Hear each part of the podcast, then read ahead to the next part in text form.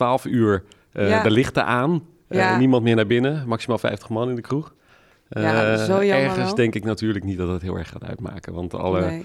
eh, eh, illegale reefjes gaan toch wel plaatsvinden in de, Ja. in de, in de kelders. donders, en, eh, eh, Ik heb nog weinig illegale reefjes gezien eigenlijk. Ik probeer ze te vinden, maar die zijn Ja. meer in Rotterdam en Delft volgens mij. Dan, Ja. gaat, het, eh, dan gaat het meer los, ja. Illegale reefs, dus ben je al bij eentje geweest? Waar je van weet? Nee, maar ik werd wel erop gewezen door iemand hier op het marineterrein die eh, al had aangegeven. Die zei, weten jullie dat die oude pistoolbaan, onze oude schietbaan, die is natuurlijk helemaal top geïsoleerd. Daar hebben ze al eventjes een keertje Nee. even goed speaker aangekocht. Ja. Dus eh, Wat goed. Ja, nou, we gaan het vandaag hebben over, vind ik, de dikste bijbaan van Nederland.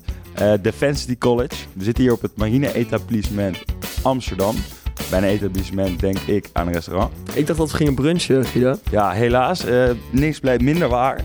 Wij zitten hier namelijk op de kazerne in Amsterdam. Vrij grauw. Minder grauw zijn onze gasten van vandaag. Ja, Rut, ik zie je al lachen. Eh, we hebben hier vandaag Hugo Goedhart, reserveofficier bij de Landmacht. En bedenker en oprichter van Defensie College. En eh, Rut Heringa, masterstudent theologie. En dus aspirant reserveofficier bij de Landmacht. Oftewel deelnemer. En dus werkstudent bij Defensie College.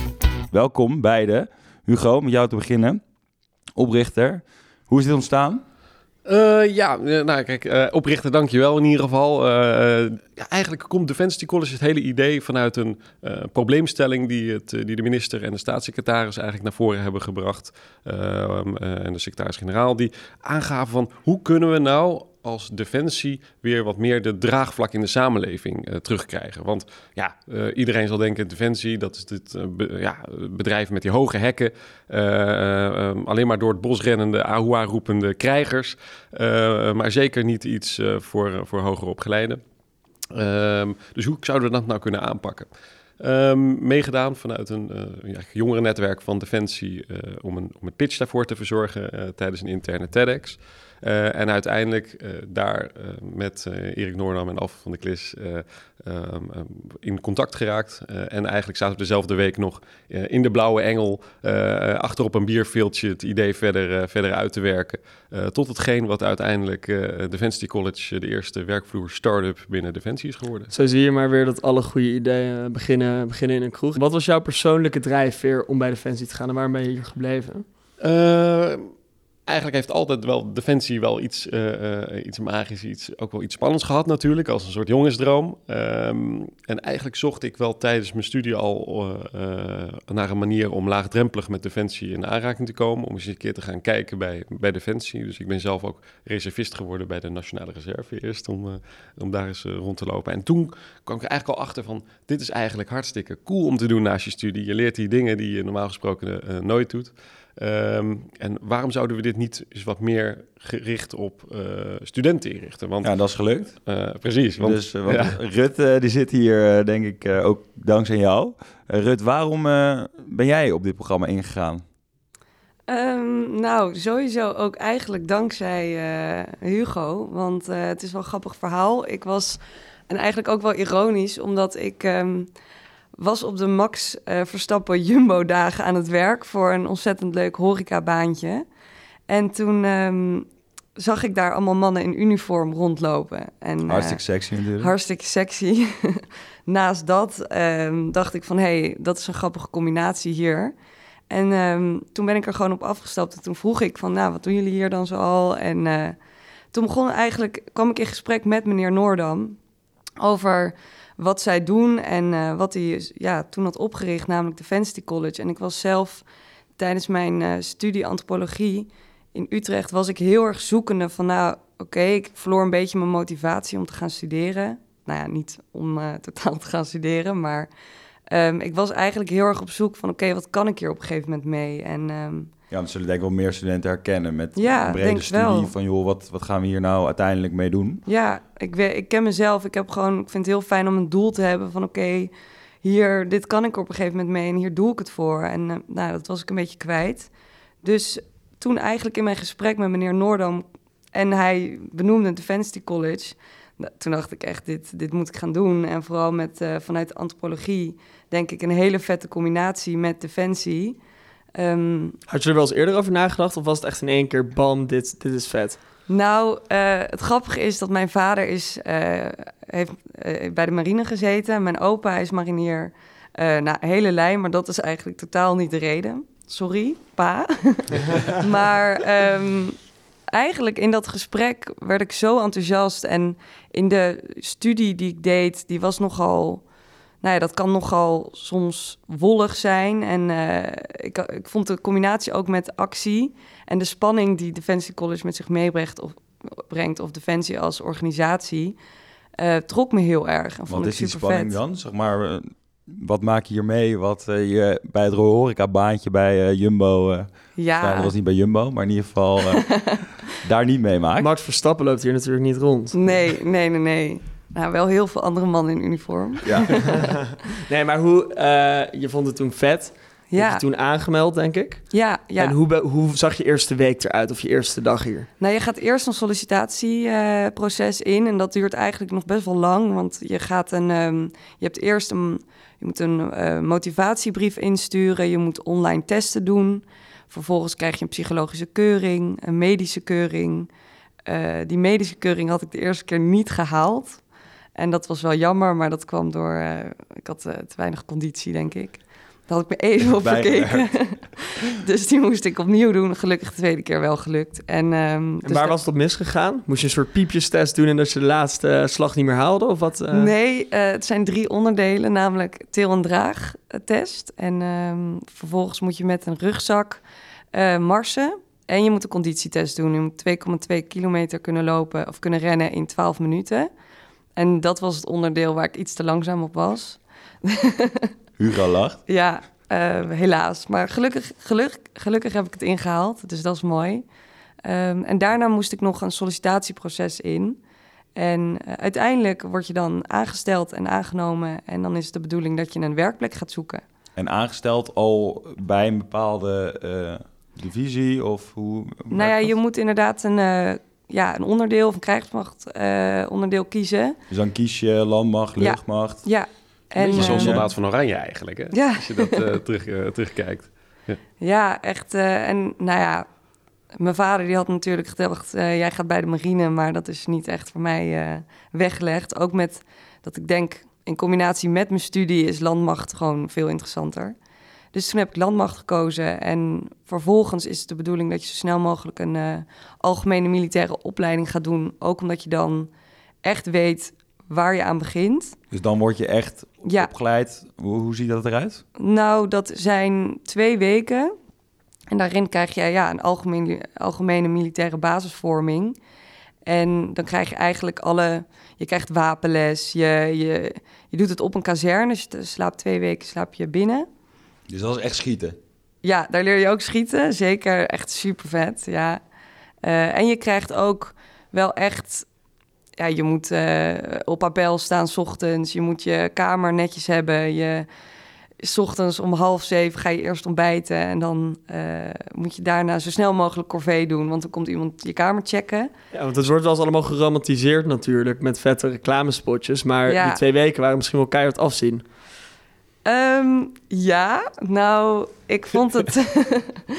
ik vond het algemeen... Of nou ja, het geheel vond ik niet heel zwaar, maar ik vond een bepaald, ja, sommige onderdelen moest je wel echt even aan wennen. En ik weet nog dat ik, ik begon in februari, het was volgens mij, nou ik weet het eigenlijk wel zeker, het was 10 februari en het waaide toen. het waaide toen heel erg hard. En uh, toen ben ik de weg opgegaan en toen moest ik de weg weer af, want het kon gewoon niet. Er lagen overal uh, takken en mensen waren gestopt met rijden. Dus toen mocht ik de volgende ochtend mocht ik komen en dan sta je om half zeven sta je bij de poort. En toen vond ik het wel spannend, want ja, ik wist echt niet wat me, wat me overkwam. En toen moest ik meteen nou, spullen in de kamer en op appel. En um, nou ja, dat was wel... Toen stond ik daar vol met adrenaline en dan denk je, oké, okay, nu, gaat het wel echt beginnen. Maar eigenlijk de eerste paar dagen waren super vet en je leert, je krijgt zo snel met de groep krijg je een band met elkaar. En ik denk dat dat ook wel met echt. Hoeveel doe je dit? Ik denk, dus je hebt drie groepen van ongeveer 12, 13 mensen die daar uh, ofwel reservist worden ofwel bij Defensie College reservist worden. Dus je hebt ook mensen die niet per se aangesloten zijn bij Defensie College. En dat maakt de groep ook best wel divers, wat ik heel leuk vond. Ja, en wordt er dan een beetje neergekeken op Defensity College? Van dat zijn die uh, Nou, die, Studenten met die... eh, precies, die het een beetje hier half komen doen? Of valt dat eh, mee?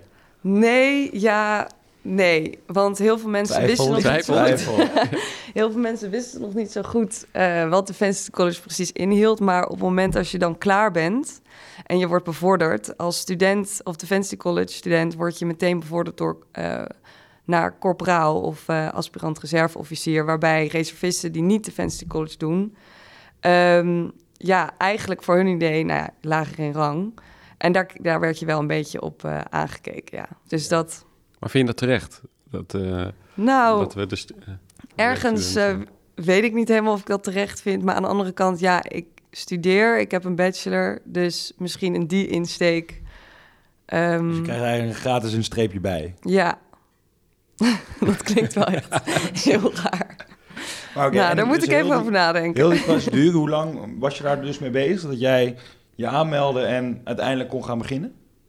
Ehm, hoe, eh, kon beginnen met mijn werkplek. Ja? Nou, ik was al begonnen met mijn werkplek. Dus dat was wel heel erg leuk. Ik heb mijn AMO ietsjes later gedaan, omdat je... Nou, de, het is best vol en eh, het moet net uitkomen, ook met je studie. En studie is nog wel altijd prioriteit nummer één. Dus dat is wel belangrijk ook om nou ja, daarbij te zeggen dat het is, het is iets... Wat, wat voor mij ook ehm, heel mooi was eigenlijk, is dat je het bevorderde op hoe ik studeerde. Dus ik had weer iets gevonden waardoor ik de motivatie had om verder te studeren met antropologie en waarom ik het ook weer deed. En hier in de werkplekken kan je je studie praktisch inzetten. Dus ehm, nou, dat Daarom is ook waarom wel je dan nu theologie eh, als master hebt gekozen? Ja, ja, want ik deed mijn eerste werkplek had ik bij ehm eh Jistark 106. Dat zijn eh, HTA-analisten, Human Terrain analisten. En zij Ik zit Simon aan te kijken. Ja. Weet, je, weet jij wat dit inhoudt? Geen flauw idee. Nee. Nee, zij maken eigenlijk een. Zij brengen het menselijk terrein in kaart in, eh, tijdens de uitzending in missiegebieden. En zij zorgen ervoor dat eh, er bepaalde informatie wordt verzameld, waaruit zij weer de commandant echt alleen precies eh, specifiek op het menselijk terrein. ehm, eh, de commandant in adviseren. En eh, dat vond ik zo vet. En ook omdat een van de me- mensen die daar werkte, had een gastcollege gegeven bij mij in de studie. En daar heb ik eigenlijk, via haar heb ik eigenlijk mijn eerste werkplek kunnen regelen. Ehm, Maar ik vind het wel heel grappig wat je net zei eigenlijk. Want je hoort wel eens dat ehm, ouders of ook wel mensen bij de universiteit zeggen... ja, als je gaat studeren, dan moet je ook echt met je studie bezig zijn. Niet te veel bijbaantjes, verenigingen, wat dan ook. Jij zegt hier eigenlijk het omgekeerde. Jij zegt, oké, ik, ik was mijn motivatie in mijn studie een beetje kwijt. En hierdoor kreeg ik het terug, omdat ik niet alleen maar in die collegebanken zat. Ik had ook gewoon, ik was echt bezig Ja, met iets. En ja. ik, zag, ik zag hoe ik mijn skills die ik in die collegezaal leerde ook kon toepassen. ja, precies. En dat is ook natuurlijk ook ooit het doel geweest, een beetje achter eh, DC. Want je kan natuurlijk je bijbaan hebben, eh, gewoon ergens, eh, ik noem maar even vakken vullen met Albert Heijn. Ehm, maar wat nou mooier als je eh, ook in je bijbaan bepaalde skills leert waar je de rest van je leven wat aan hebt. Eh, en dat is ook een van de proposities geweest die we eh, hebben meegenomen in DC. Want eh, ja, wie is er nou niet nu op zoek naar zeg maar die relevante werkervaring op je cv? Op een afdeling waar je iets kan doen in het verlengde van je studierichting. Eh, maar ook die andere skills, die meer eh, tussen haakjes soft skills, die je dan niet leert eh, ergens anders, zoals leiding geven, teamwork en doorzettingsvermogen. En het is betaald ook nog, hè? Ja, precies. Dus het is ook echt gewoon onderdeel van, eh, van, je, van je junior medewerkerschap. Ja. En daarom ook een, een werkstudentschap en geen stage of zo. Want je bent gewoon volwaardig onderdeel van de organisatie. Ja, Eh, in het begin hebben we wel even getwijfeld van moeten we mensen nou wel eh, dat pak aangeven en daadwerkelijk militair eh, maken. Eh, maar ik denk eh, dat ik niet lieg dat dat wel toch al een van de unieke assets is die je dan. eh, die Wat je heeft daarin de doorslag gegeven?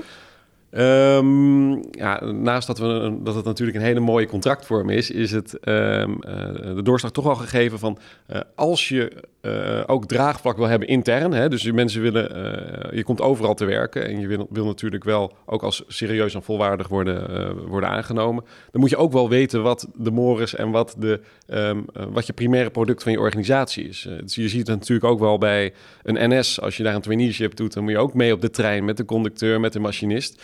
Uh, en dat is natuurlijk om te weten uiteindelijk van wat voor impact hebben mijn beslissingen uh, als ik straks in de managementfunctie zit op de operatie.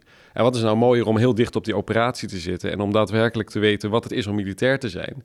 En wat jouw adviezen en, en, en werkzaamheden uiteindelijk voor impact hebben op de missie. En dus uiteindelijk op vrede en veiligheid. Ja, want uh, kan het zo zijn dat je dus gewoon wordt uitgezonden of ergens op missie wordt gezet? Ja, dat, dat zou in een uitzonderlijk geval kunnen. Hè? Want ja. uh, juridisch gezien hebben we de mogelijkheid om, uh, om, om, dat te doen. En in het verleden zijn er ook al uh, wat reservisten wel op uitzending geweest. Ehm, het zal altijd op vrijwillige basis zijn. dus het is altijd alleen als je het zelf aangeeft. Um, maar de mogelijkheden zijn er wel. En ehm, ja, dat, dat kan in alle vlakken wel, wel plaatsvinden. nooit natuurlijk. we leiden geen, geen krijgers en strijders op hè, die, die aan de frontlinie werken. Want daar hebben we collega's voor die daar dag en nacht voor trainen. En echt, echte scher scherpschutters zijn.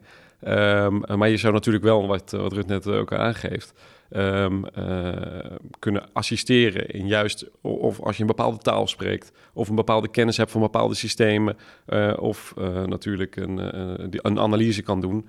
Uh, over uh, strijdende partijen, over religies, over achtergronden. Ja, precies. Want dat is misschien wel goed te zeggen dat niet iedereen dus in het veld komt te werken, maar dat je dus ook echt solliciteert voor op de achtergrond en um, ja, waar je dus goed ingezet kan worden wat je zelf ook wil. Ja, en wat natuurlijk wel heel cool is om te zien dat, um, uh, dat elke student weer zijn specifieke kennis meebrengt. En dat is iets waar je als organisatie, waar je als defensie gewoon superveel gebruik van kan maken. Even die spiegel voorhoudend van, hey, we hebben hier iemand die brengt alle nieuwe kennis met zich mee. Doen we de dingen nog wel juist? En misschien zijn er wel nieuwe innovaties of misschien die nieuwe data science modellen die zo iemand meeneemt. Dus jullie worden er misschien ook een minder conservatieve organisatie van? Precies. Uiteindelijk is het uh, hele uh, hoofddoel, dus naast die ambassadeurs in de samenleving creëren, ook gewoon die nieuwe blikken, die frisse blikken binnenhalen in de organisatie, om juist die, de organisatie ook een beetje in beweging te krijgen. en ook af en toe die kritische blik, even de kritische ja. Ja, blik. En hoeveel tijd ben je er dan eigenlijk aan kwijt als werkstudent? Nou, de, uh, minimaal wat je er mee bezig moet zijn is sowieso acht uur uh, in de week. En maximaal twee dagen in de week. Dus je, het is echt hoe je het zelf, um, hoe je het zelf ja, plant. Maar in de zomervakantie bijvoorbeeld zou je echt gewoon zo twee, drie dagen in de week kunnen werken. Omdat je dan natuurlijk geen uh, studie doet. Maar naast je master werk ik één of twee dagen in de week. Ja, kijk Guido eventjes aan, acht uur in de week. Uh, ik denk dat wij uit ervaring in Rotterdam ook kunnen vertellen dat heel veel studenten dat over hebben. Als je kijkt wat die uh, op de bank doorbrengen. Ja, zeker. En ik ben ook echt uh, wel eigenlijk een beetje jaloers op dat ik hier pas zo laat achter kom bij mijn studie. Ik ben er afgelopen jaar achter gekomen en ik dacht, jongens, wat is dit vet. En ik moet zeggen, ik word hier ook steeds enthousiaster door. Maar zijn er dan nog dingen, Rut, waarvan je denkt van ja, het is misschien niet zo rooskleurig? Die AMO hebben we natuurlijk al gehad. Zijn er verder nog tripjes naar het buitenland? Bivak in Noorwegen, waar je echt met z'n allen in de kou lepellabeltje tegen elkaar aan moet liggen, omdat het uh, echt afzien is? Nou, het is natuurlijk ook wel... Je, je, dat afzien is wel mijn reden. En uh, uiteindelijk is het echt voor je persoonlijke ontwikkeling is het echt heel vet. Naast dat je superveel vette dingen kan doen. Ik ga of in oktober ga ik mee op een oefening naar Zuid-Duitsland. En dat is super vet en nou ja, echt heel gaaf dat ik die kans krijg. Uh, naast dat dat natuurlijk ook zwaar kan zijn. Of uh, er zijn bijvoorbeeld, je kan naar Bad Rijgendaal, daar, daar, daar, ga je een berg beklimmen. Je kan mee op skivakantie. Maar de, de insteek is wel persoonlijke ontwikkeling. Dus je, naast alle gezelligheid ga je wel. Het heeft ook een hoger doel ook betaald. Dus okay, dat is ja, mooi. Ja, ja, vet. Betaald vakantie. Ik ken, al, ik ken slechtere bijbaantjes wat dat betreft. Zeker weten. Maar het is natuurlijk dan niet uh, smiddags uh, in de après-ski. Uh, want je wordt, um, uh, het is helemaal mooi, hè? dus je wordt uh, flink natuurlijk skills bijgebracht die je niet hebt. Ook qua skiën, langlaufen. maar s'avonds crash je dan niet even neer op je, in je vijf sterren accommodatie met die, met die fles poepel in het, in, in het bubbelbad. Uh, maar wel uh, uh, eigenlijk krijg je een schep in je hand. en dan zeggen ze, nou, ik zie daar een hoop sneeuw. ik denk dat jij even een lekker iglo gaat klussen. want daar ga je vannacht in overnachten. dus dan, um, dan is het allemaal mooi en aardig. Met het team ga je, leer je hoe je een iglo kan bouwen. Uh, hoe je die uh, uh, ook helemaal veilig kan, kan, kan inrichten, dat, dat die niet instort. Ja, precies. Want ik denk dat hier dan wel alweer die Rotterdamse studenten die op de bank zitten, wel een paar weer afhaken. Dus je ja, moet dat denk ik ook niet... Wel, ja. ga niet in een iglo altijd zitten. Maar Rut, wat is het zwaarste wat jij hebt gedaan? Ehm, nou, er was één onderdeel tijdens de algemene militaire vorming. En dat vond ik het marsen met uh, bepakking en met je wapen. En dan vervolgens moet je echt in een sneltrein moet je naar je bivakplek buiten. Je gaat namelijk ook uh, echt naar buiten de laatste paar dagen. En um, dat was echt heel hard doorlopen. En dan, ja, ik was echt niet gewend om met zo'n zware rugtas en een wapen uh, keihard te gaan lopen in een treintje. En um, nou, dan zijn er af en toe mensen die even in je rug duwen, waar ik echt heel slecht tegen kan. en dan wordt iedereen is best moe, toch? Maar je hebt geen moment gedacht, ik kap ermee? Nee, zeker niet. Omdat het echt, het is zo ontzettend vet. En ik kan het iedereen aanraden. Je, je leert dingen eh, die je in je studie gewoon echt niet leert. Je leert dingen in praktijk brengen. Af en toe moet je ook niet met je hoofd... Je zit als student, zit je soms zo in je hoofd. En alleen maar nadenken. Terwijl dingen in praktijk brengen en met verschillende mensen bezig zijn. Niet alleen maar poetsen eigenlijk dus. Ja, een beetje, inderdaad. toch wel een beetje de, Toch weer Rotterdam. tot weer die Rotterdam. We hebben, we hebben die studenten die afhaakten bij de iglo nu weer teruggewonnen, ik Ja. Nou ja, peper in je... Nee, maar het, is, het is wel leuk om te zien, want die instructeurs eh, die vinden het natuurlijk ook wel mooi om met studenten eh, eh, te werken. Aan de Ja. ene kant, het, omdat elke keer die vraag, de waarom-vraag wordt gesteld met, ja, maar waarom is dat zo dan? Alles ter discussie stellen. Dat wordt af en toe wel eens een keer als een zeer irritant ervaren door zo'n doorgewinterde commando. eh, die, die dan ook niet zal schromen door te zeggen, ken je plek, hou je bek. Eh, Ja. Dus eh, Dat vind ik een goeie. Mooi rijmpje.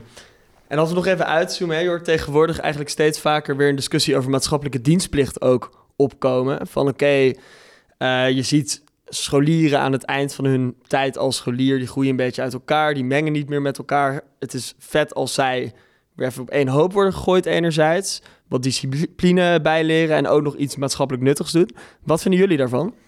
Nou, ik denk dat het een hele goede ontwikkeling is. Eh, door te starten in ieder geval door het maatschappelijke diensttijd of eh, eh, een kans te zien.